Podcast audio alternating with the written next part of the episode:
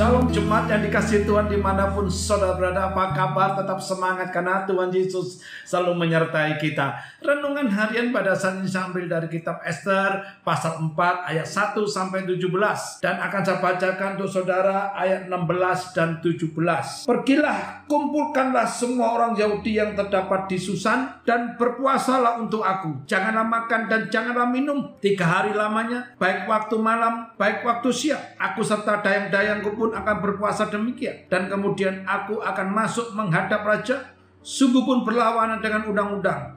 Kalau terpaksa aku mati, biarlah aku mati. Maka pergilah Mordekai dan diperbuatnya tepat seperti yang dipesankan Esther kepadanya. Luar biasa. Esther seorang ratu, seorang wanita. Dan dia tercatat dalam sejarah menyelamatkan bangsa Yahudi dari kepunahan.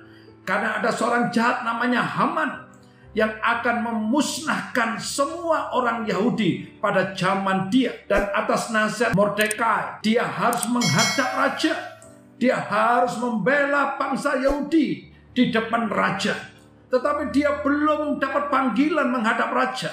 Dan kalau dia menghadap raja tanpa ada panggilan ada satu hukuman yang pasti yaitu mati. Maka sebelum dia memberanikan diri menghadap raja untuk membela bangsanya maka dia minta semua orang Yahudi yang tinggal di Susan untuk berdoa bagi dia. Berdoa puasa dan dia pun juga berdoa puasa dengan dayang-dayangnya. Dan sampai akhirnya waktunya tiba, dia memberanikan diri menghadap Ahasiweros membela orang Yahudi dan terjadilah pembalian keadaan rakyat Yahudi orang Yahudi diselamatkan dan Haman bahkan mati di tangan orang Yahudi. Kita juga bisa membawa dampak yang luar biasa bagi bangsa kita Indonesia, bangsa yang besar yang kita cintai, sehati untuk bangsa.